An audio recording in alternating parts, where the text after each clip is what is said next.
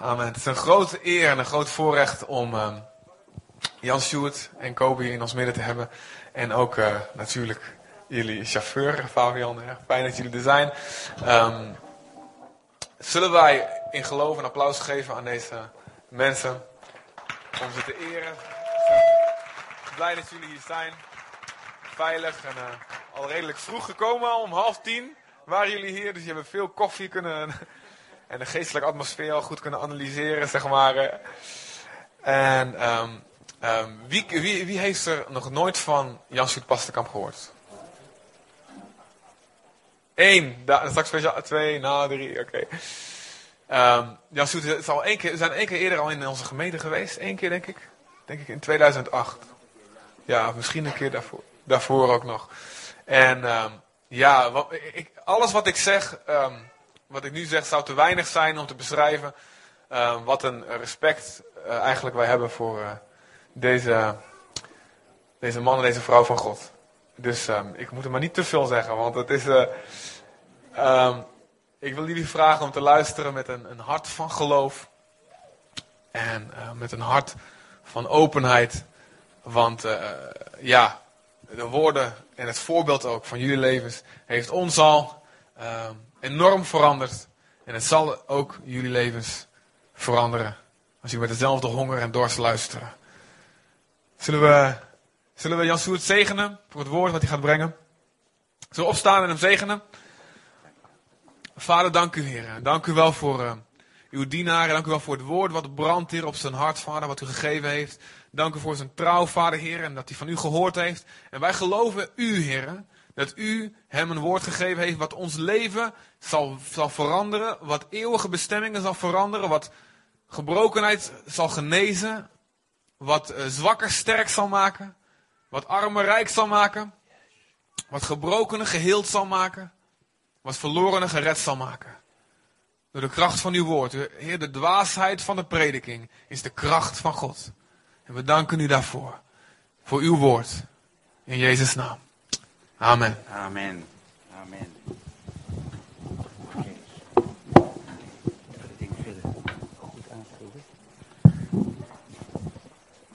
Ah, geweldig.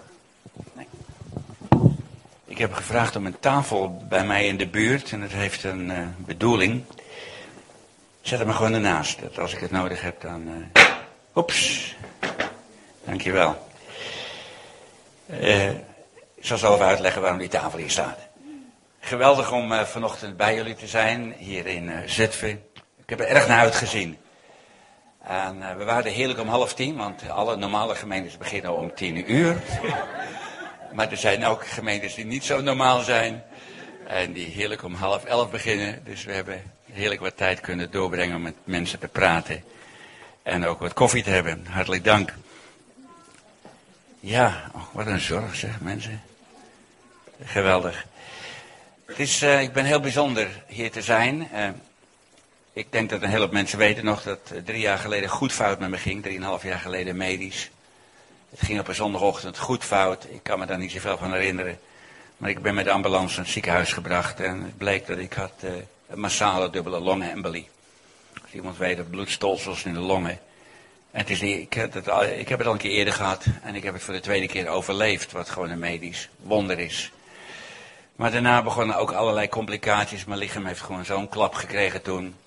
En er is een moment geweest, drie jaar geleden, dat de longspecialist, voor wie ik diep respect heb, zei meneer Pasterkamp, u moet zich ermee verzoenen dat uw werkende, actieve leven is afgelopen en dat u nooit meer zal preken. Uw longen zijn te beschadigd. En uh, ze zei nog iets, want ik wist welke conditie ik daar bijna gekregen heb. Ik had al genoeg gelezen dat ik misschien nog twee tot drie jaar te leven had en dan zou het afgelopen zijn. Het is nu drieënhalf jaar geleden. En uh, als die lieve arts zou moeten luisteren naar alle preken die ik sinds die tijd gepreekt heb, dan zal ze een vakantie moeten opgeven om op een stoel te gaan zitten. Maar goed, uh, toen ruim een jaar geleden, nu bijna anderhalf jaar geleden, kreeg ik in het buitenland een heftige bacterieinfectie.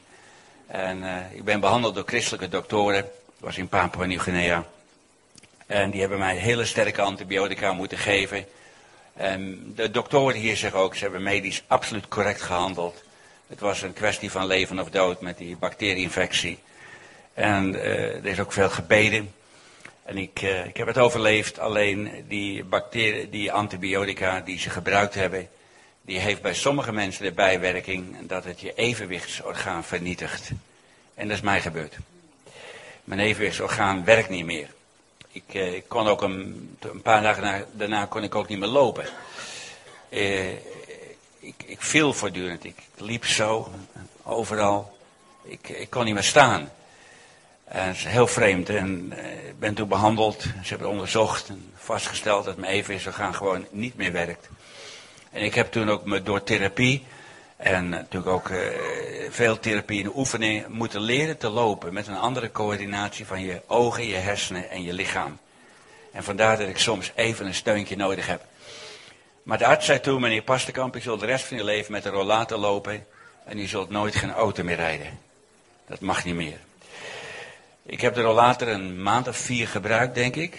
En toen in een samenkomst van Heaven on Earth met Heidi Baker een gigantische aanraking voor de Heer gehad.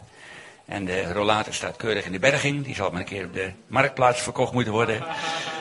En uh, een maand geleden heb ik een rijtest gedaan bij het CBR met twee medische examinatoren. Ik ben met vlaggenwimpel geslaagd. En sinds de laatste twee weken rij ik weer in mijn eigen auto. Maar dit is de langste trip tot nu toe, dus vandaar dat ik Fabian bij me heb om mij te helpen. En heel dankbaar voor Fabian, die zo vaak uh, liefdevol de chauffeur geweest is. We hebben wat dingen neergelegd, ik wil even iets van zeggen. Een van mijn grote dromen en verlangens is geweest in Nederland om uh, mensen te trainen. En niet alleen maar zo een bijbelschool te hebben, maar echt te trainen voor het Koninkrijk van God. Te trainen voor leiderschap. Uh, die droom uh, is in vervulling gegaan. We draaien nu ons eerste jaar. Ik moet zeggen, ik geef zelf vrij vaak les. Een stuk of 15 docenten hebben we in totaal. En ik hoop dat jij er ook één keer wordt, nummer 16. En uh, we genieten ervan. Twaalf studenten mee begonnen, maar volgend jaar zal het groter zijn. ongetwijfeld. Maar in Papua Nieuw-Guinea hebben we dat ook gedaan. Toen we in de hoofdstad kwamen wonen, en uh, we vlak bij de universiteit woonden. Ze hadden toen een uh, universiteit gesticht. De eerste in het land, een kleine universiteit. En onder die universiteitsstudenten hebben we heel veel luid tot de Heer mogen brengen. En we zijn een trainingscentrum begonnen om mensen te trainen voor het Koninkrijk van God en in leiderschap.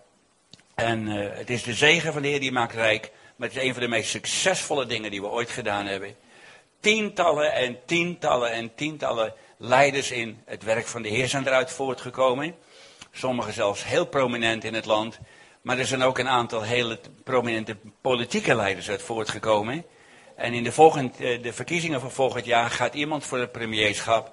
We moeten ook afwachten of het gaat, maar de kansen worden heel hoog geacht dat hij het gaat halen. Gabriel Pepsin, en het is iemand die wij hebben mogen opleiden en tot de Heer hebben mogen brengen. En die nu gaat voor het premierschap in het land. En mijn grote droom was om dat ook in Nederland te doen. Ik droom van mensen in het werk van de Heer. Van leiders, van mensen die hun bediening kennen, die weten hoe je moet functioneren in de kracht van de Heilige Geest. Maar ik droom ook van mensen in de medische wetenschap, ik droom van mensen in de politiek, ik droom van de mensen in, in de, eh, het rechtelijk wezen, die het koninkrijk van God kennen. Verschillende van de mensen die we opgeleid hebben in de politiek gezeten, uh, ook in, als minister, of allerlei functies over de jaren. En ik vroeg een van deze mensen een keer, wat, als je nou denkt aan de training, wat, wat, je bent jarenlang ambassadeur geweest. Ik zeg, wat staat je nou het meeste bij? Wat herinner je het meeste? Hij zegt, het onderwijs over de bergreden, het karakter van het koninkrijk van God in ons. En hij zegt, jouw onderwijs over wet en genade. Wanneer mogen we de wet gebruiken en wanneer mogen we in genade leven? Hij zegt, als ambassadeur en daarna als regeringsleiders, hij zegt, het heeft me zo enorm geholpen ben de Heer echt dankbaar. De eerste vrouwelijke of rechter in het land komt uit onze gemeente. Allemaal in de training. En ik heb ervan gedroomd om dat in Nederland nog een keer te mogen doen. En dat is een trainingscentrum Christ Formation. Voor degenen die geïnteresseerd zijn, wat brochures. En we hebben een, een goede ontwerper, die hebben een hele hoop gekke, leuke kaarten gemaakt. we hebben er jammer genoeg maar een paar. Er zijn een hele hoop leuke. Komt een nieuwe uit van iemand die staat met zijn kleren aan onder de douche. En hij zegt, some brains need washing. dus neem het mee en als mensen geïnteresseerd zijn, pak het alsjeblieft. Ik ga vanochtend een wat ongewone boodschap brengen. Ik heb de hele week eigenlijk gebeden, Heer, wat moet ik brengen? Er zijn zoveel dingen die ik zou graag willen delen. Maar ik ga toch iets, iets heel wat ongewoons delen. Jaren geleden heb ik daar in Nederland ook wel diverse keren over gesproken. Nu al jaren niet meer. Het is mogelijk dat iemand mij daar wel eens eerder over heeft horen spreken. Um, dan heeft de Heer het blijkbaar nodig gevonden om het nog een keer te horen. Oké? Ja. Moet niet zeggen, is een preek. Nee, ik had nodig om het nog een keer te horen. Moet je gewoon... Oké. Okay.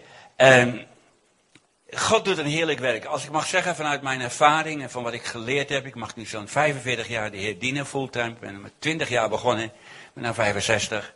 En 45 jaar de Heer fulltime mogen dienen. God doet een uniek werk hier in Zutphen. Er gebeurt echt iets. Dat merk je, dat voel je, dat proef je.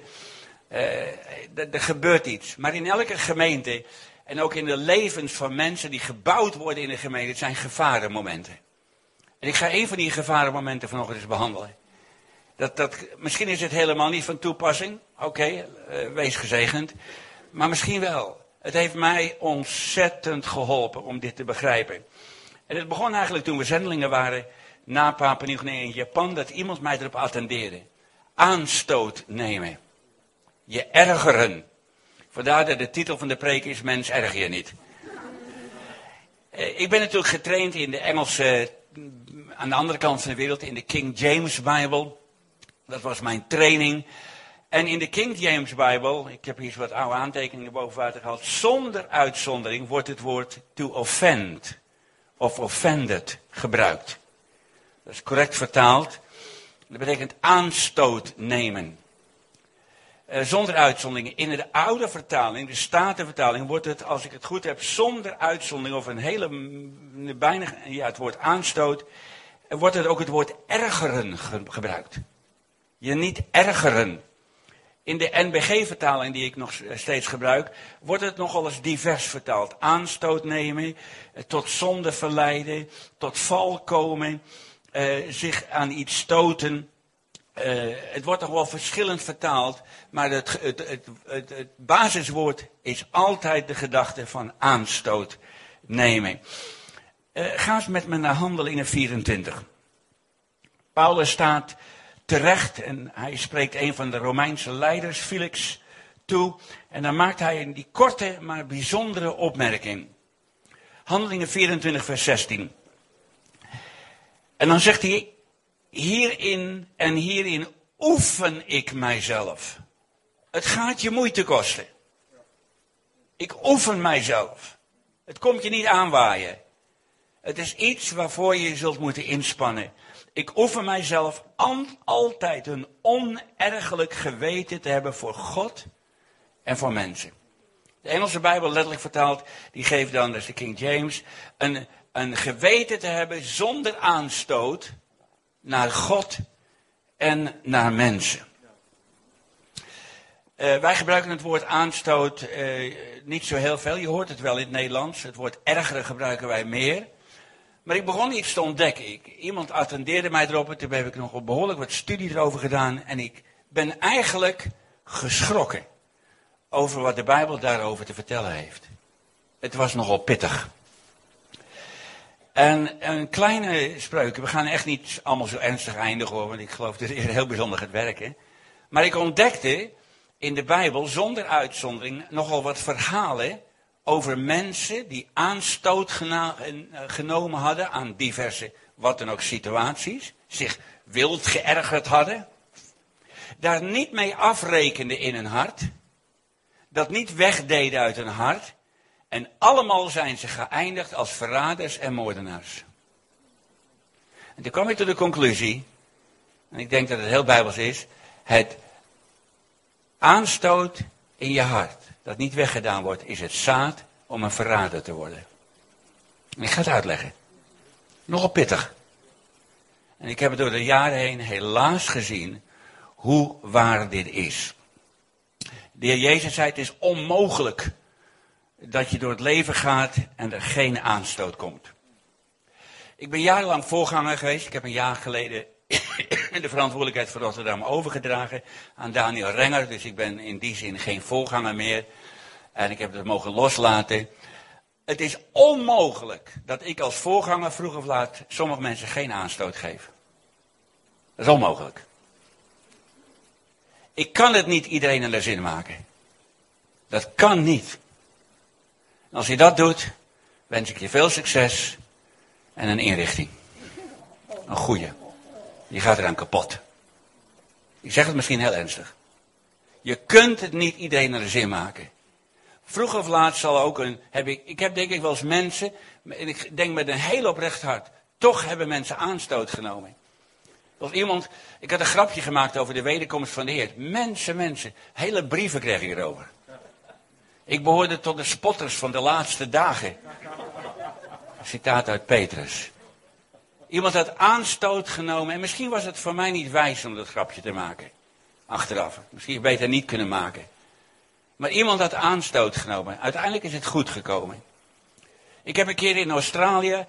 Eh, hadden we een oudste vergadering bij een van de oudsten. Die had een boerderij. De voorganger was naar Japan, nog in Australië geweest. En eh, daar heb ik blijkbaar een vraag die een van de oudsten gesteld heeft, verkeerd beantwoord. En jaren daarna kwam die oudste en die vroeg toen, een jaar geleden hebben wij jou die vraag gesteld. Nou, ik kon me heel vaag herinneren. En toen heb je dit gezegd. Dus dat heb ik fout geantwoord. Dat heb ik fout ge ik, ik was of moe, of ik heb niet goed op zitten letten, of ik was slaperig, wat het ook was. Maar ik heb een verkeerde antwoord gegeven. Het antwoord had dit moeten worden. Nee, maar je hebt dat gezegd. Ik zei, ja, dat weet ik. Maar ik heb het fout gezegd. Ja, maar je maakt. waarom gaf je een fout antwoord? Ik zeg, ik weet het niet. Het heeft geleid tot een grote crisis. En uiteindelijk heb ik mijn ontslag genomen als voorganger. En dan zegt het in Jezaja, Jezaja 29, dat er zijn mensen die iemand voor een woord een overtreder maakten. Ik had een verkeerd antwoord gegeven. Wat heb ik daar een probleem mee gehad? Iemand nam aanstoot aan een verkeerd antwoord dat ik gaf. En hij heeft er alles aan gedaan om de gemeente uit te krijgen. En uiteindelijk, er was zoveel verdeeldheid. Ze hebben gezegd, oké jongens, ik ga niet langer vechten. Ik stop ermee. Ik heb het losgelaten. Die gemeente is bijna helemaal kapot gegaan. Iemand nam aanstoot. Was het, als voorganger, ik, kan het, kan, ik maak ook wel eens fouten. Het is onmogelijk het niet te doen. Ik ben gewoon een heel gewoon mens. Aanstoot nemen wordt in de Bijbel genoemd. De Bijbel zegt, we struikelen allemaal. En, en vroeg of laat, ook, ook iedereen die mij hoort, vroeg of laat geef je mensen aanstoot. Of mensen ergeren je zich aan je. Dat, dat, is, dat is een stuk van het leven. Dat gebeurt. Maar wat gebeurt er? Kan komen door kleine grote dingen. Moet even naar mijn aantekening kijken. Aanstoot nemen, je ergeren, je gauw ergeren, is niet alleen een persoonlijke karaktertrek, het is zonde. Je ergert aan iets. En we ergeren ons allemaal wel een keer, maar dan daarmee afrekenen. Die ergernis te laten doorgaan in je hart. De heer Jezus zegt in Matthäus 24 dat velen in de eindtijd zullen ten val komen. In het Engels, waarin ik getraind ben, zegt het: They shall be offended. Ze zullen aanstoot nemen. En ze zullen anderen overleveren. Dan krijg je de tekst dat uh, het zaad van, van aanstoot leidt tot verraad. En ik ga eens een paar voorbeelden noemen in de Bijbel. Er zijn een paar hele frappante voorbeelden. We beginnen in Genesis. Genesis 4. Kain en Abel, de twee broers, de zonen van Adam en Eva, gaan alle twee een offer brengen. En op een of andere manier, er is best wel een uitleg voor, maar hoe dan ook, God accepteert het offer van Abel en het offer van Kain niet. Er is wel een reden voor, maar goed. Uh, misschien iemand heeft vraagt wat is de reden. Dat is heel mooi. Abel brengt de eerstelingen van zijn lammeren. Hij brengt het eerste. Het beste. De eersteling. Dat is ook een thema door de hele Bijbel heen. Kain bracht een offer van het land. Maar er wordt heel nadrukkelijk niet gezegd dat hij, gezegd dat, er wordt niet genoemd dat hij het een eersteling bracht. In de Hebreeuwse taal, heb ik me laten vertellen, door mensen die dat bestudeerd hebben, geeft het de indruk, hij bracht wat er over was. Maar hij bracht niet de eersteling. En God wil niet de restantjes. God wil het eerste. Dat is het enige wat hem eert. Stel je voor dat de Balkende, onze premier zegt, ik kom morgen bij je dineren. En uh, ik kom om zes uur en hij is laat. En uh, hij komt om, pas om half acht, heb in een grote file gestaan.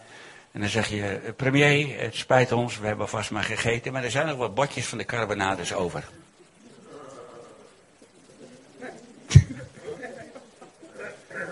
Oké, moet je nog verder zeggen? Je beledigt iemand door de overblijfsels te geven.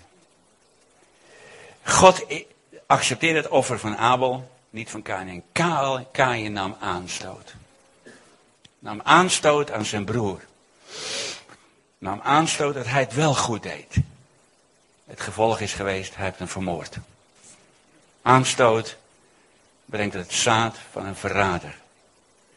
Kain heeft Abel gedood. In Genesis 37 heb je het verhaal van Jozef. Jozef, een jonge kerel, heerlijk, 17 jaar waarschijnlijk. En, en hij komt in de Pinkstergemeente en hij heeft een visioen of een droom. De Heer geeft hem een droom. En die droom is dat zijn hele familie voor hem neerknielt en dat hij hoger zal zijn als hen. Hij is helemaal onder de indruk van die droom. Hij begrijpt het niet helemaal, maar hij weet wel dat hij een belangrijke man gaat worden. En dat zijn familie dat zal gaan herkennen. En bij ochtendontbijt, terwijl hij zijn havermout zit eten, zegt hij, pa, ik heb een droom gehad. Er komt de dag dat jij mij gaat, uh, mij herkennen. Ik een groot leider zal zijn en jij voor mij gaat knielen. En pa zegt, in welke Pinkstergemeente kom jij? Als ik dat ooit tegen mijn vader had gezegd, ik had alle hoeken van de kamer gezien hoor. Goed, ik dramatiseer het even. Jozef was niet wijs hoe hij omging met datgene wat God hem toonde. Wat wel correct was. Want het is letterlijk uitgekomen. Jozef was niet wijs hoe hij daarmee omging. Maar zijn broers namen aanstoot. En wat deden ze? Ze hebben hem verraden, uitgeleverd. En het heeft er bijna zijn leven gekost. De droom is waar geworden. God heeft Jozef gebruikt om een volk te, te redden, het volk van Egypte. En ook zijn broers zijn vader in de hongersnood weer eten te kunnen geven. Maar zijn broers namen aanstoot. De manier waarop hij omging met, met een droom van God. Ik heb heel wat jonge mensen gezien die, dat, die een beetje de Jozef-trekjes hadden. Ik denk dat ik het zelf ook wel gedaan heb. De, jeugd, de jeugdleider kwam een keer naar me toe. Ik was 17 toen ik door bekering kwam. En de, nacht, de avond dat ik door bekering kwam, sprak God tot mij dat ik zendeling zou worden. En ik had maar één ding, ik word zendeling. En op een gegeven moment kwam een jeugdleider naar me toe en zegt, Jan Sjoerd, wil je alsjeblieft een keer ophouden met al dat gepraat over zendeling? Wees gewoon nou als iemand van de jeugd, je praat altijd over zending en het feit dat je zendeling wil worden, doe nou eens een keer gewoon normaal.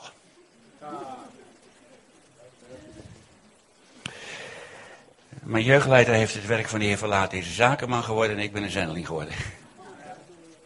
Beetje ironisch, maar goed. Was ik wijs? Ik denk het niet. Ik denk dat ik wel wijzer had kunnen zijn. Ik was zo vol vuur dat toen ik Kobe voor de eerste keer echt leerde kennen op een Bijbelweek, schijn ik haar gevraagd te hebben: hoe zou jij het vinden om de vrouw van een zendeling te worden? Ik kan me dat echt eerlijk niet meer herinneren. Maar zij vond mij er gewoon geestelijk, want ze dacht dat ik een verkering wilde. Ik was er zo vol van. Was ik wijs? Misschien niet. Maar mensen namen aanstoot. Mensen namen aanstoot. Dat is geen excuus voor dwaasheid, maar mensen nemen aanstoot. 2 Samuel 17 vertelt het verhaal van Achitovel. Ik vind het altijd een heel ontroerend verhaal. Een oudere man, waarvan gezegd wordt dat hij zo wijs was, dat wanneer hij sprak, niemand meer tegensprak. Hij sprak de woorden van God, wordt er van hem gezegd. Achitovel. Een wijze man. Ouder dan David, maar David noemt hem ook in een bepaalde psalm, die psalm 55, die gaat trouwens over Achitovel, uh, noemt hij hem ook mijn vriend, mijn vertrouweling. Achitovel was een vertrouwenspersoon voor de koning, een raadgever. Zo'n man zou een, elke voorganger zou wensen dat hij wel eens een keer zo'n oudste had. Een hele wijze man. Maar Achitovel is er is één ding niet zo bekend van Agitovel, maar het is wel een feit. Agitovel had een kleindochter.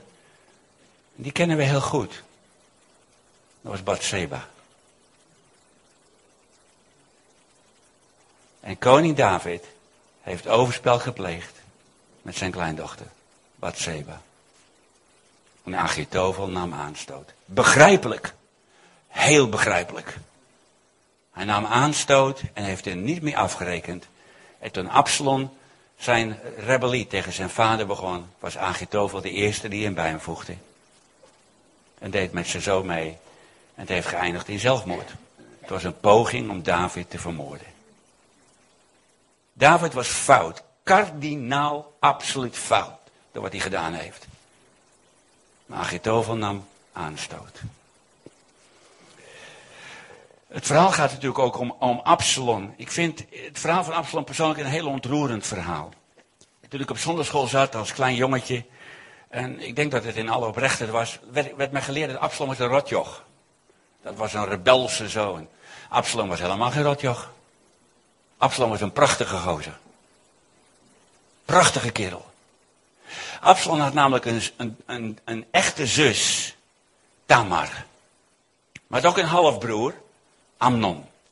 En zijn halfbroer heeft het gepresteerd om incest te plegen met zijn dochter, met zijn zus, hem te verkrachten, aan te randen en haar geweld aan te doen.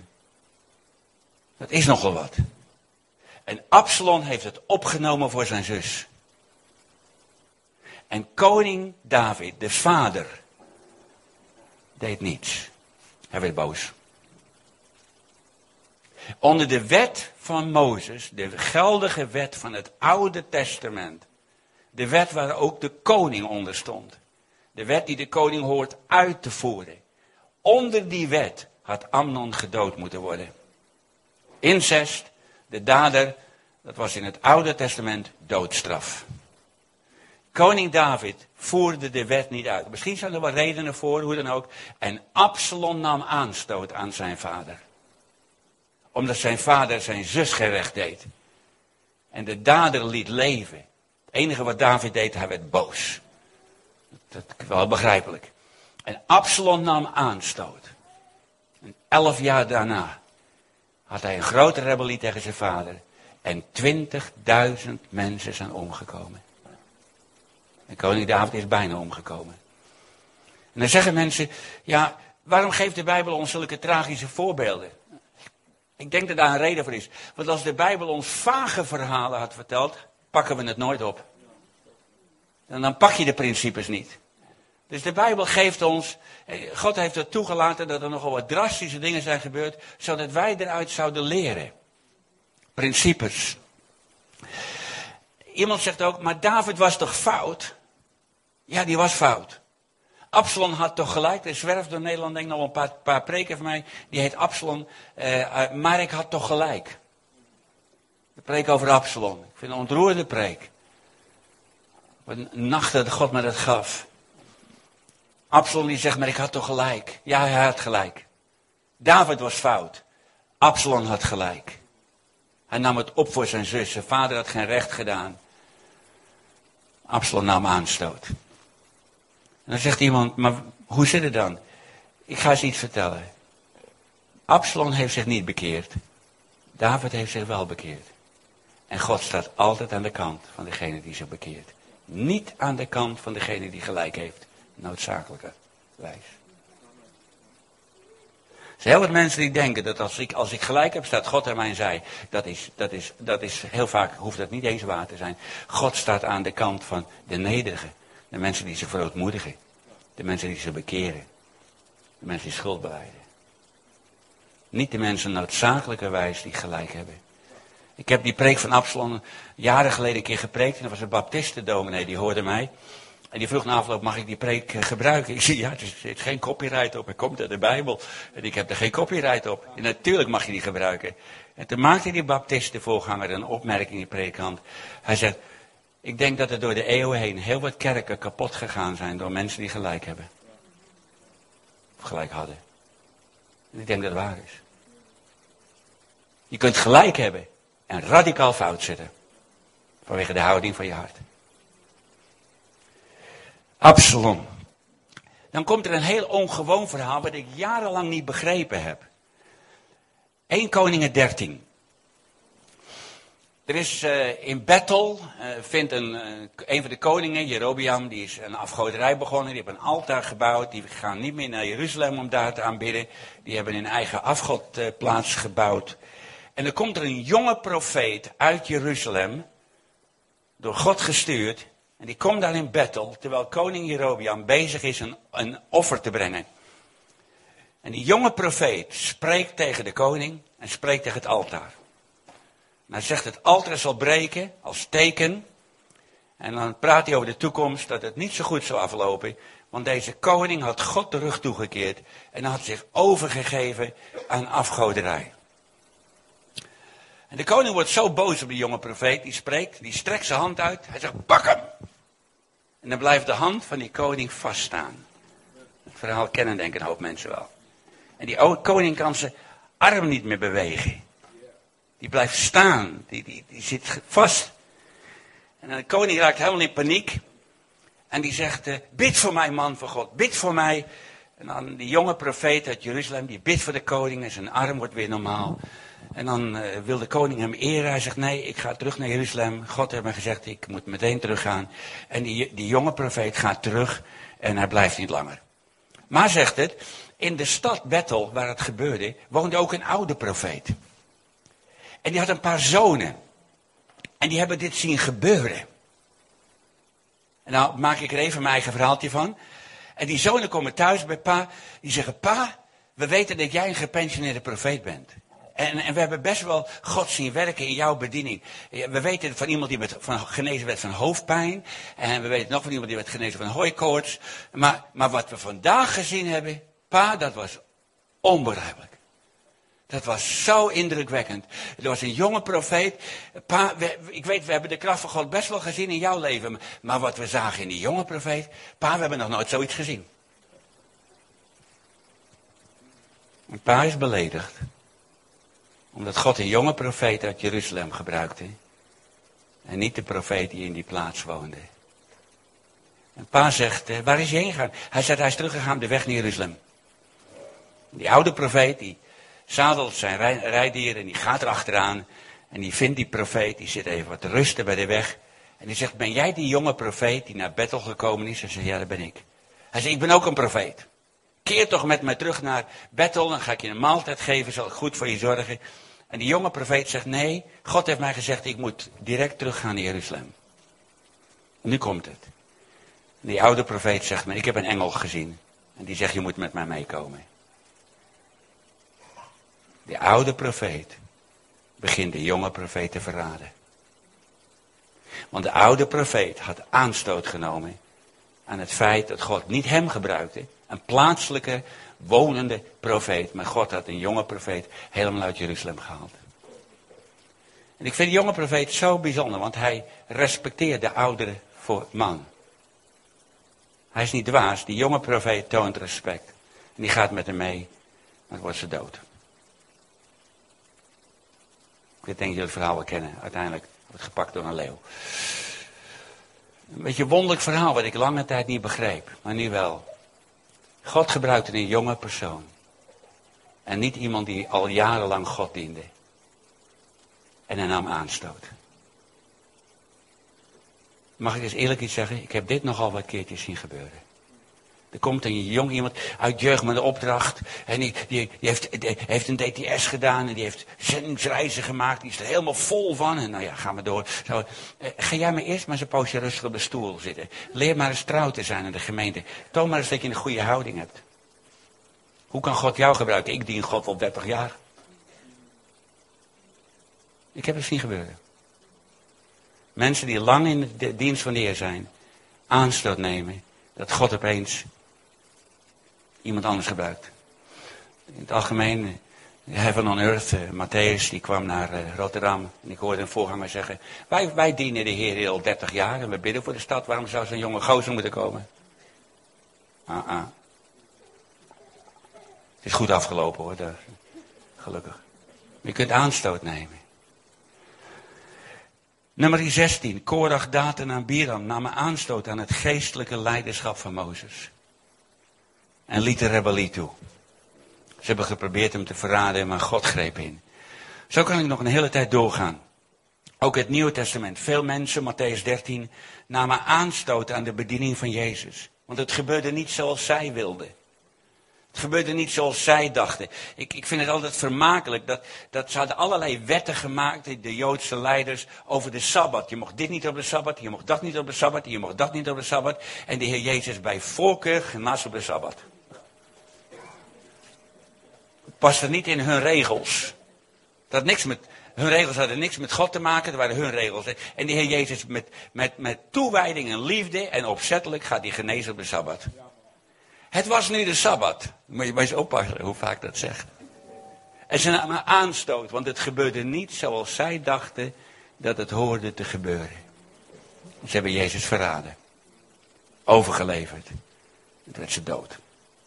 En de Heer Jezus zegt ook, neem geen aanstoot. Zalig is hij die geen aanstoot neemt aan mij. En dan natuurlijk het verhaal van verraad, het verhaal van Judas. De discipel van Jezus, die aanstoot nam. Waarover waarschijnlijk diverse dingen. Hij had een koninkrijk verwacht. Hij had verwacht dat, er een, dat Jezus, de beloofde Messias, de koning zou gaan heersen. Af zou rekenen met de Romeinen. Dat hij een groot koninkrijk zou gaan bouwen. En dat hij in dat koninkrijk bij Jezus heel belangrijk zou worden. en, uh, maar dat gebeurde niet. De populariteit van Jezus ging naar beneden. Op een gegeven moment daalde het. Hij kon nogal confronterend zijn, Jezus. In het begin was hij mateloos populair. Grote menigte volgde hem.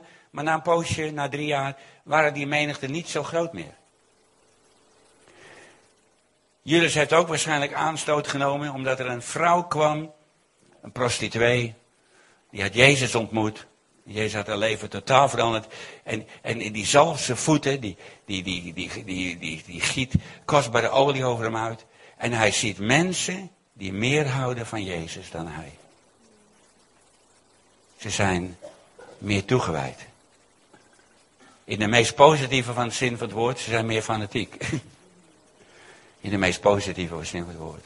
En hij neemt aanstoot aan mensen die meer liefde tonen voor Jezus dan hij. We kennen allemaal het gevolg. Hij heeft Jezus verraden. Er zijn, ik heb er een paar overgeslagen, maar er zijn bijbelse voorbeelden van mensen die aanstoot namen. Er is geen plaats in de wereld waar we zo nauw met elkaar omgaan als het gezin waarin je opgroeit. En dan het gezin natuurlijk van man en vrouw en kinderen. Mogelijk je werk, waar je natuurlijk elke dag te maken hebt met mensen.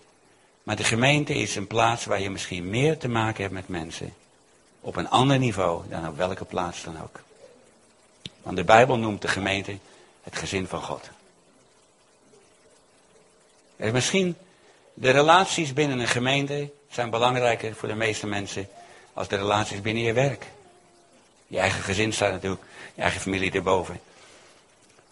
Het is onmogelijk om altijd met mensen op te trekken op zo'n niveau, samen gebouwd te worden, samen gevoegd te worden, samen iets te gaan doen voor God, samen gebouwd te worden tot een gemeente. Het is onmogelijk dat er geen aanstoot is. Of de voorganger doet wat fout, of oude, de oudste doet wat fout, of de muziek doet wat fout, of de aanbiddingsleider doet, doet wat fout, of de collector wordt op een verkeerde manier aangekondigd. Ik pak me zomaar een paar gekke dingen. Hè. Maar het is onmogelijk dat er geen aanstoot zal zijn. Het is onmogelijk. En ook mensen elkaar aanstoot geven. Ik heb de grote moed genomen vandaag, ik hoop niet dat iemand er kwalijk neemt, op zondagochtend om geen stropdas om te doen omdat ik wist, ik heb terwijl in ZV twee stropdassen gezien vanochtend. Dus ik heb de vrijheid genomen, geen stropdas. Ik hoop dat niemand aanstoot neemt. De allereerste keer dat ik preekte in een grote samenkomst, in een ik sprak al lang voor de jeugd, maar de allereerste keer dat ik ooit spreekte in een grote samenkomst, er was een spreker uitgevallen. En omdat ik nogal bij de jeugd sprak, werd ik gevraagd op het laatste moment om in te vallen. Ik, ik denk nog steeds dat het een hele goede samenkomst was. Ik denk ook dat ik een goede preek had, maar goed, dat is mijn mening. En afgelopen zeiden ze, ja Jan Sjoerd, eh, heerlijk om jou als jonge prediker in ons midden te hebben. We hebben genoten van je boodschap, maar kun je volgende keer je schoenen poetsen? Echt gebeurd. Is echt gebeurd. Ik heb mijn schoenen gepoetst. Misschien was het wel waar wat ze zeiden. Maar iemand had kritiek op mijn schoenen die niet genoeg gepoetst waren. Over aanstoot me gesproken. je maakt dingen mee, we lachen erom. Maar waar je al niet aanstoot aan kunt nemen. Ik heb niet de indruk dat het verder doorgeboekerd is. Ik ben nog heel vaak in die gemeente geweest na, die tijd. Maar ik noem maar zomaar dat voorbeelden. Aanstoot nemen. En er is maar één manier om ermee af te, eh, eh, mee om te gaan. Reken er zo vlug mogelijk mee af. Doe het weg uit je hart. In, Rotterdam kwam er een keer iemand naar me toe. Ik heb daar een gemeente in een grote crisis overgenomen. Dat is een hele moeilijke taak geweest. En ik heb zonder enige twijfel daarin fouten gemaakt.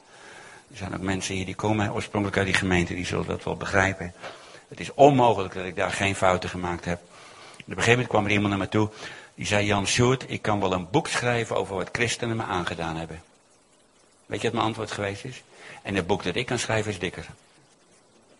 Het boek dat ik kan schrijven is dikker. Zeg maar, ik zit hier als voorganger en jij zit hier als slachtoffer. Wat is de keuze die je maakt? Reken, is mijn antwoord. Reken er mee af. Sommige mensen nemen aanstoot. En dan begin je te verraden. Je begint te verraden met woorden.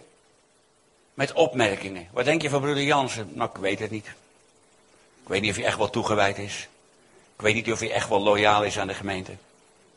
Ik, ik, ik fantaseer dat maar even, maar dan begin je van die opmerkingen te krijgen. Je krijgt zo'n subtiele opmerking. En dan begint het te woekeren. Maar in feite ben je bezig te verraden. In de Bijbel zijn een paar van de mensen die aanstoot genomen hebben echt moordenaars geworden. Maar je kunt ook mensen vermoorden met woorden. Met opmerkingen. In het Engels heb je dat heel daar een mooi woord voor, maar in het Nederlands zou ik zeggen karaktermoord. Je kunt ook zoveel twijfel zaaien over iemands karakter, dat in feite ben je bezig iemand te vermoorden. Er zijn een aantal websites in Nederland, en ik heb er wel eens één of twee keer naar gekeken, omdat ik het gewoon even moest doen, ik moest weten erop stond. Maar daar wordt heel wat karaktermoord gepleegd. En ik weiger om het te lezen. Iemand zei laatst, je moet dit een keer lezen. Ik, ik heb geen enkele behoefte eraan. Er is ook een website die gaat over mij. Ik ben even de grootste vrouwenjagers die rondloopt. Ik ben iemand die achter geld aan zit. Een oneerlijke leider. Alles. Nou, prima. Heer, zegen wie u vervloeken. Dus we zegenen hun. Maar als je je hart vult met aanstoot van anderen. Is de kans groot dat het ook jouw aanstoot gaat worden. En Spreuken heeft daar een leuke opmerking over. Spreuken 26 vers 17. Wie zich mengt in een twist die hem niet aangaat, is als iemand die een voorbijlopende hond bij de oren grijpt. Nog een keer. Spreuken 26, 17. Wie zich mengt in een twist die hem niet aangaat, is als iemand die een voorbijlopende hond bij de oren grijpt. Bij ons in onze appartementgebouw, daar zijn diverse mensen met honden. Sommigen zou ik het misschien durven om ze bij de oren te pakken, maar er zijn er een paar bij die ik absoluut niet bij de oren zou pakken.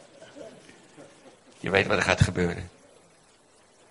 Aanstoot nemen. We hebben er allemaal mee te maken. En in het bouwen van een gemeente, in het bouwen van teams, in het bouwen van de toekomst van de gemeente, ga je dit tegenkomen. Het is onmogelijk dat in het leiderschap geen dingen gebeuren waaraan je aanstoot kunt nemen. En misschien heb je nog wel gelijk. Maar als je dat gelijk blijft vasthouden, ben je fout. Ben je fout. Maar ik had toch gelijk. Ja, Absalom kan ook zeggen. Ik had toch gelijk. Absalom had gelijk. Koning David was fout geweest. Maar God nam het Absalom zeer kwalijk. Terwijl hij David vergaf. God werkt zo bijzonder. Zo anders als wij. Zijn wegen zijn niet onze wegen. Oké, wat is de echte wortel van, van aanstoot nemen? De Griekse vertaling van het Nieuwe Testament, de Septuagint, die vertaalt Spreuken 16, vers 18 heel mooi. Hoogmoed gaat vooraf aan vernietiging en een hoogmoedige geest voordat aanstoot genomen wordt. De wortel van aanstoot nemen En daar niet mee af te rekenen. Het door te laten woekeren in je hart. Is hoogmoed. Is hoogmoed. Wie zich vernedert onder de machtige hand Gods. God zal hem verhogen. God zal je verhogen. Ik zou er nog heel veel over kunnen vertellen, maar ik ga het niet doen. Het verwijdert relaties. Je loyaliteit valt weg. En het is zo belangrijk, als je echt voor God een werk wilt, wilt zien, dat je dit soort gevarenmomenten herkent. En er onmiddellijk mee afrekent. Kun je dan niet een keer samen praten? Natuurlijk. Die man die zo boos was over mijn grapje over de wederkomst. En die mij een brief stuurde. Met, jij behoort tot de spotters van de laatste dagen. Ik heb hem uitgenodigd voor een kopje koffie. En toen hebben we samen koffie gedronken, we het uit kunnen praten en het was goed. Het was goed. Maar ik heb vanaf dat moment één besluit genomen. Dat heb ik 15 jaar geleden genomen. Nooit meer met iemand een argument te hebben over Gods woord. Ik heb het 15 jaar lang ook niet meer gedaan. Uh, broeder Pastor, ik zou graag met u uh, willen argumenteren over wat u zei. Nou, daar heb ik helemaal geen zin in. Ik wil wel een kopje koffie met je drinken en vanuit mijn hart met jou praten, maar dan moet jij ook vanuit jouw hart met mij praten. Dat doe ik wel. Wie heeft wel eens een hele avond discussie gevoerd over het woord van God met mensen die het eigenlijk niet geloofden. En na twee uur geef je het op en je voelt je zo rot en leeg als maar kan. Wie herkent dat? Dat zijn meer dan de mensen die mij niet kennen hier. Oké. Aanstoot nemen. Nee, we vergeven elkaar. We vergeven elkaar. We steunen elkaar. Zijn met elkaar. En dan gaat God iets moois doen. Het is misschien een wat serieus woord. Ik ga ook zo dadelijk beginnen, eh, gaan we bidden. Maar het is een gevarenzone voor ons allemaal. Het kan binnen de familie gebeuren. Het kan soms om de meest onbenullige dingen gebeuren. En je rekent er niet mee af. En het ernstige is, en het is waar, lieve mensen, als je niet afrekent met aanstoot in je hart, ligt er in je hart een zaad. En dat is het zaad van een verrader. En de duivel zal ervoor zorgen dat er af en toe goed water op gegoten wordt. En er af en toe de juiste klimaat zal zijn om dat zaadje te laten omspringen. En vroeg of laat gaat het je leven beheersen. Klinkt heel ernstig, maar het is zo. Zo is het rekenen er onmiddellijk mee af. Daarom dat Paulus zegt, ik oefen mij hierin. Ik oefen mij om een onergelijk geweten te hebben voor God en voor mensen. Iemand vroeg me laatst, ben je wel eens boos geweest op God? Ik kan me dat niet herinneren. Ik heb wel een paar keer geroepen, God, ik begrijp er geen fluit van. Ik heb situaties gehad, ik zeg, God, ik begrijp het echt niet. Maar u bent God, ik niet. En ik vertrouw u, want u bent God. Jezus zegt, het is zalig hij die aan mij geen aanstoot neemt. Ook, er waren mensen die namen aanstoot in Jezus. ondenkbaar, maar het was zo. Het was een fantastisch gesprek trouwens met die hele jonge leider. Ben je ooit wel eens boos geworden op God? Niet dat ik me kan herinneren. Ik heb wel momenten gehad die zeggen, God, ik begrijp er geen fluit van. Ik, ik heb nogal wat medische dingen meegemaakt. Want naast mijn evenwicht heb ik nog prostaatkanker gehad ertussendoor allemaal. En ook dat moest behandeld worden. Ik, heb, uh, meer, uh, ik ben acht keer opgenomen geweest in het ziekenhuis de afgelopen acht jaar, eh, drieënhalf jaar. Acht keer. Ik heb een keer voor het ziekenhuis gestaan. Ik zeg, Heer, in de geest sluit ik die deur. Ik vergrendel hem. Ik, ik leg er een balk overheen. Ik neem een ketting om die. Maar goed, poosje daarna was hij toch weer terug in het ziekenhuis. Ik, zeg, ik begrijp er niks van. En mensen zijn me toegekomen. Jan Soet, ik begrijp het niet. Nee, ik ook niet. Ja, ik kan wel antwoord geven. En mensen nemen aanstoot ja, maar jij gelooft toch in genezing? Ja. Ga straks bidden voor genezing. Je hebt er veel wonderen gezien? Ja. Grote wonderen gezien. Ik heb meerdere keren voor mijn ogen blinden zien genezen. Ik heb verschillende keren mensen uit de rolstoel zien komen. We hebben echt wonderen gezien. En nu ben je zelf niet genezen. En dan krijg je vraagtekens. En het klinkt gek wat ik nu zeg. Nu zeg, het is mogelijk dat mensen aanstoot nemen aan het feit dat ik zelf niet gezond ben. En hoe kun je dan wel preken over genezing? Begrijp ik het allemaal? Nee. Weet wel dat God een genezer is. Weet wel dat het een wonder is dat ik hier sta. Dat ik er ben. Dat ik de Heer weer mag dienen. Dat ik weer verder mag gaan. afrekenen met ergernis in je hart. In je hart vullen met liefde. Met vergeving. Vader, het is een wat ernstig woord, maar het is zo waar. We herkennen het allemaal. We herkennen het allemaal. Ons kunnen ergeren. Soms wild kunnen ergeren. Aan dingen die mensen doen of zeggen. Situaties. Maar Heer, u wilt ook in deze plaats en allerlei andere plaatsen in Nederland, dat is uw hartewens, gezonde, sterke gemeentes bouwen. Prachtige gemeentes. Waar mensen echt samen gebouwd zijn tot een tempel van God in de geest. Ze samen gebouwd zijn. Heer, dat ze misschien elkaar wat geschuurd hebben, wat bijgescherpt hebben. Maar dat ze bij elkaar zijn. Vader, ik bid dat het in Zutphen zo zal zijn. En we spreken geloof uit. Zo zal het zijn. Zo zal het zijn, Heer. Die droom, uw plan, uw verlangen voor gemeentes die, die zo zijn in liefde. Heer, in verootmoediging, in verdraagzaamheid, in, in, Heer, al deze dingen waarover uw woord spreekt. Zo zal het ook zijn in Zutphen. Heer, we proclameren dat profetisch over deze gemeente. Zo zal het zijn. En mensen die binnenkomen, die last hebben van, van ergernis en aanstoot nemen, die zullen ermee afrekenen. Die zullen het bij het kruis gaan brengen. Die zullen het bij het kruis neerleggen. En die zullen het wegdoen uit hun hart. Ook al hebben ze gelijk over sommige situaties. Heer, dat is wat we vragen. En uitspreken, Heer, als zegen over deze gemeente. Dat dit een heerlijk groot werk van God zal worden. Heer, een invloedrijk werk van God. Een licht, een stad op een heuvel. Halleluja. In de naam van de Heer Jezus. Vader, dank u wel. Dank u wel. Maar vader, we willen net als Paulus zeggen. Ik oefen mijzelf om een onergelijk geweten te hebben. Naar God en naar mensen. Ik kies ervoor om in liefde te wandelen. In vergeving. In verdraagzaamheid. Halleluja. Het is, onmogelijk als ik zoiets deel. Dat het niemand aangesproken heeft. Dat is onmogelijk. Wij kennen het allemaal. God wil iets bouwen. Er komt steeds in mijn gedachten iets. Ik heb jaren geleden, toen Billy Graham in Duitsland was, was in uh, Düsseldorf, Essen geloof ik was het, was het, heeft Billy Graham een grote campagne gehouden, die per satelliet uitgezonden is naar Nederland. Ik weet niet of sommige mensen nog kunnen herinneren, dat is een flinke tijd geleden. En ik had het voorrecht om een van de twee Nederlandse tolken te mogen zijn, om vanuit de vertaalkabine Billy Graham te mogen vertalen. En dan ging het op de satelliet. En toen hadden we een samenkomst met Billy Graham en met een paar van zijn mensen op een zondagochtend met alle vertalers. Er waren ruim veertig, allerlei talen. En toen uh, zijn zangleider, uh, ik ben even zijn naam kwijt, die vertelde, 48 jaar geleden toen, hebben vier jonge kerels besloten samen God te dienen. In een team. Ze hebben duidelijke afspraken gemaakt om eerlijk te zijn met elkaar dingen uit te spreken, niks verborgen te houden, goed met elkaar om te gaan.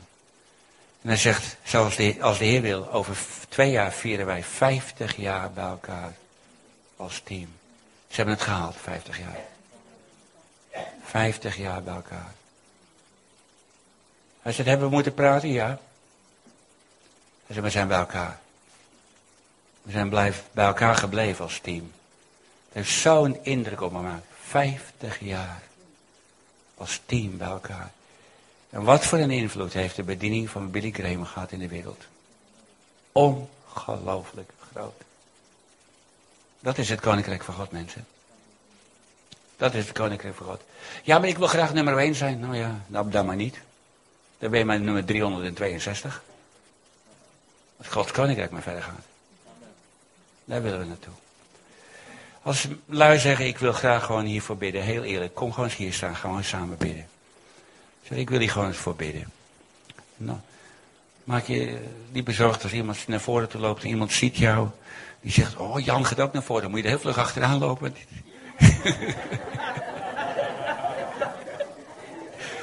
Schaam je niet. We hebben er allemaal wel eens last van gehad. We gaan gewoon dit bij de Heer brengen. Ik weet dat het moeilijk is. Dat besef ik heel goed. Dank je voor je moed, Lai. Dank je voor je moed. Misschien kunnen een paar gebedsmensen gewoon bij hun staan. Die steun. Ik, heb, ik bewonder de eerste die opstaat. Dan komen er meestal veel meer. We gaan gewoon samen bidden. Het bij de Heer brengen. Vader, hier staan een aantal hele moedige mensen. Helden. En Heer, ik wil mijn respect uitspreken naar de mensen die hier staan. Die durven om hier te gaan staan.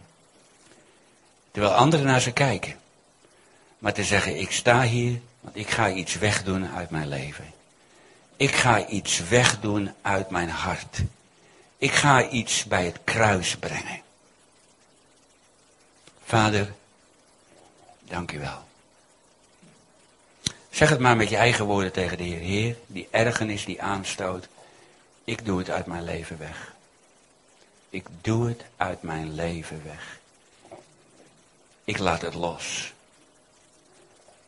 En ik vergeef de persoon aan wie ik aanstoot heb genomen. Of de personen. Ik vergeef ze. Ik vergeef ze. Ik laat het los. En hier als ik gelijk gehad heb, en als dat jouw situatie is, je hebt ik heb, maar ik heb toch gelijk. Heer, dan geef ik mijn gelijk terug aan u. Als er ooit iemand was die gelijk had, was de Heer Jezus. Hij ging liever naar het kruis dan te vechten voor zijn gelijk. Heer, ik laat mijn gelijk los. Ik laat mijn gelijk los. Ik plaats het in uw hand. In de naam van de Heer Jezus. In de naam van de Heer Jezus. Ik wil vragen dat mensen die bidden heel kort jullie zegenen. Ga ik jullie vragen iets heel speciaals te doen. Daar staat een kruis daar. Als voor je terugloopt naar je, naar je plaats, je stoel, ga eens naar de kruis toe. Blijf staan of als jij heel even wilt bidden en leg dan datgene wat de Heer zo tot je gesproken heeft en wat je echt weg wil doen, leg het neer aan de voeten van het kruis. Daarvoor is de Heer Jezus gestorven. Hij had totaal gelijk. Hij heeft nooit iets fout gedaan. Maar hij weigerde te vechten voor zijn gelijk. Hij ging liever naar het kruis. En God verhoogde hem. God verhoogde hem. En dat geldt nog steeds. Dat geldt nog steeds. Mensen die meebinnen, zegen ze heel kort. Kan dat? Alle mensen die hier staan? Zal meer mensen? Gewoon heel kort. Zegen ze. Zegen ze. Vader, in de naam van de Heer Jezus. Kom maar. Halleluja. En als, als, als een van de mensen je gezegend hebt. En je vraag je, loop naar het kruis toe. En zeg, Heer, heel bewust, heel reëel. Leg ik dit neer bij het kruis.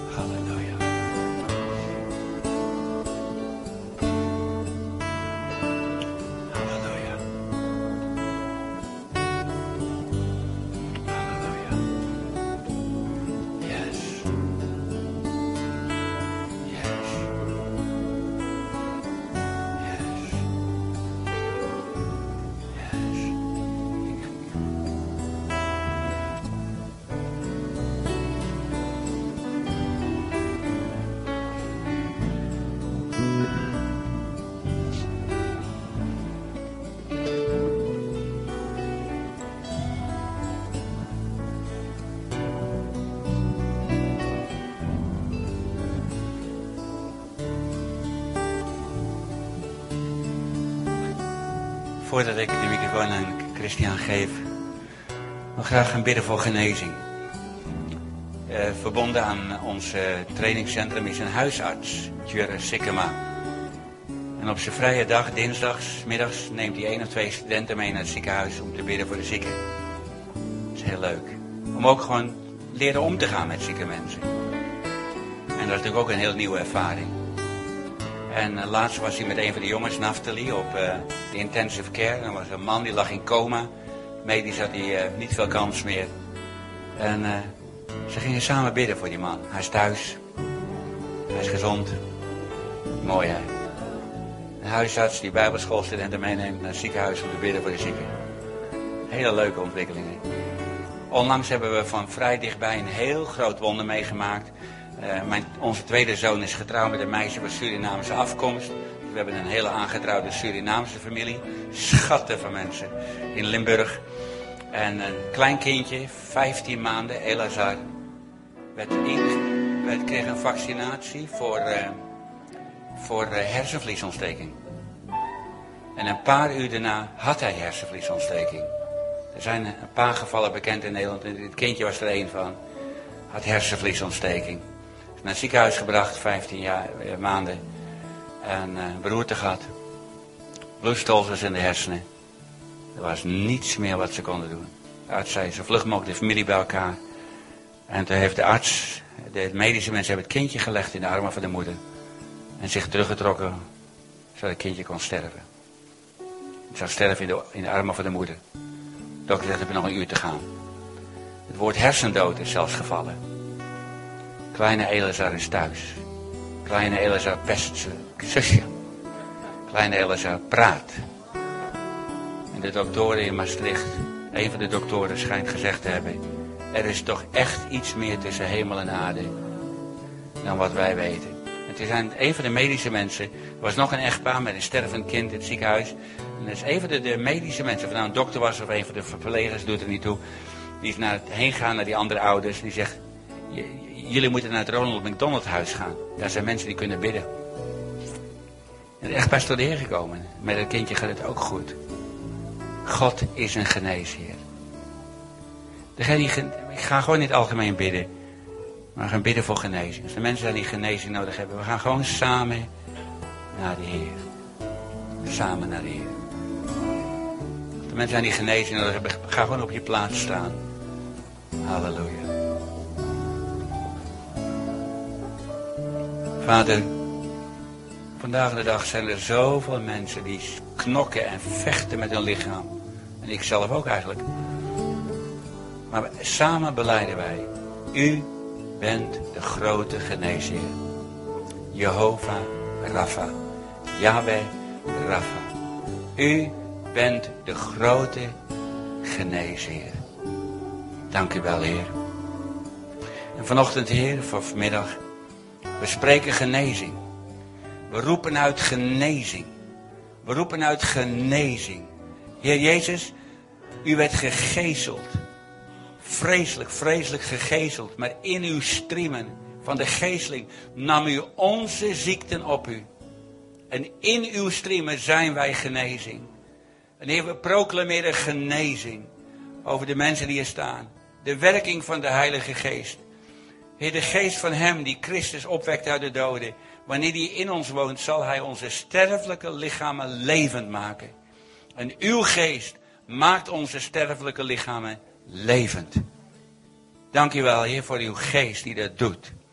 Dat uw Heilige Geest waarmaakt in ons leven, in onze lichamen, datgene wat u volbracht heeft in uw lijden en in het kruis.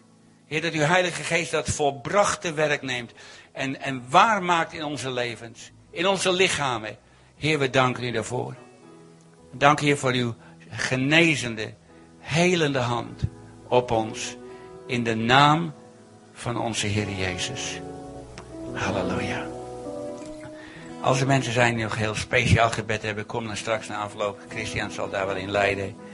En uh, kom dan dat nog specifiek voor u gebeden wordt. Heer, uw genezing. Uw genezing. Ik ga de microfoon overgeven aan Christian. Over een, twee weken, twee weken, zoiets. tweeënhalf week, gaan we met een hele hoop grote groep mensen naar Israël. Vanuit herstel. Maar ik heb van de week een grote schok gehad. Ik zag de lijst van deelnemers. En Herman Boon gaat met ons mee. Bid, bid voor ons. De reis is duurder geworden. Vermakelijkheidsbelasting. Amen. Dankjewel Jan Sjoerd voor uh, dit woord. Ik moest denken aan de spreuken waarin staat... De lippen van de rechtvaardige wijden er velen. Zullen we God danken voor het woord dat hij gesproken heeft. Met een applaus. Dank u Heer. Dank u voor uw zegen, Vader God Heer. Dank u voor uw zegen. Dank u wel Heer. Dank u voor uw redding, voor uw reddende woorden Heer. We zijn zo dankbaar dat u in ons midden bent Heer. En we danken u voor, voor uw genezende kracht, voor uw corrigerende woord. Voor uw liefdevolle herderschap, Heer. U bent goed en we genieten van u, Vader.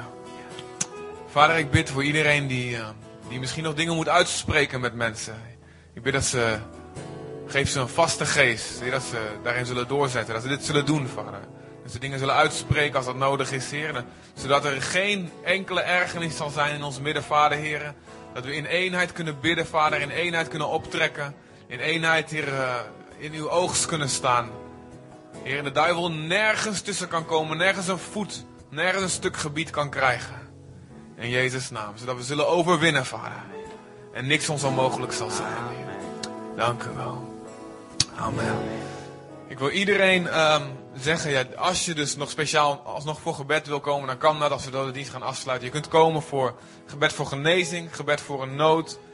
Ook als je zegt, ik ben hier nieuw en ik weet niet hoe en ik weet niet wat. Ik moet mijn leven aan Jezus geven of ik wil opnieuw een toewijding maken. Heel graag willen we je dan zien dat je komt. Ik ben tenslotte ben ik één ding vergeten, realiseerde ik net. En ik hoop dat niemand de aanstoot aangenomen heeft. Maar we hebben tweejarigen in ons midden vandaag. En het is Martin. Ga even staan, Martin. En kom maar even hier, kom maar even hier. En Carmen, ben jij alweer terug, Carmen? Ben jij...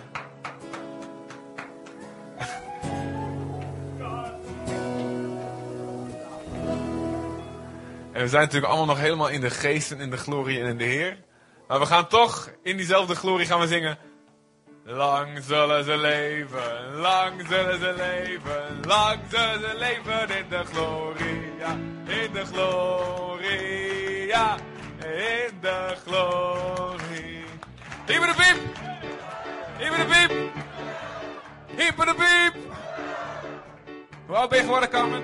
12. En dan, aan jou zal ik het niet vragen, Martin. 24. 24! Wauw, dank u.